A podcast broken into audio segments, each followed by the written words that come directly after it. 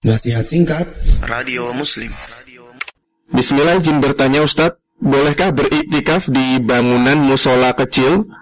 Karena kami memiliki bangunan musola yang terpisah dengan rumah dan sebelumnya sering digunakan sholat bersama tetangga sebelum masa pandemi. Mohon jawabannya barakallahu Ya.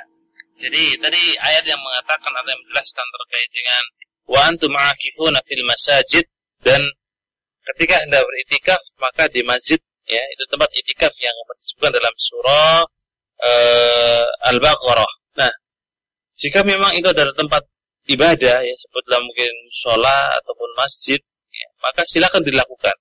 Ya, silakan dilakukan di tempat tersebut uh, jika memang itu terkategorikan tempat ibadah. Walaupun memang uh, dalam ayat yang mulia ini disebutkan al-masajid masjid-masjid. Dan kata masjid dalam definisi fikih adalah tempat yang dipakai untuk sholat Jumatan.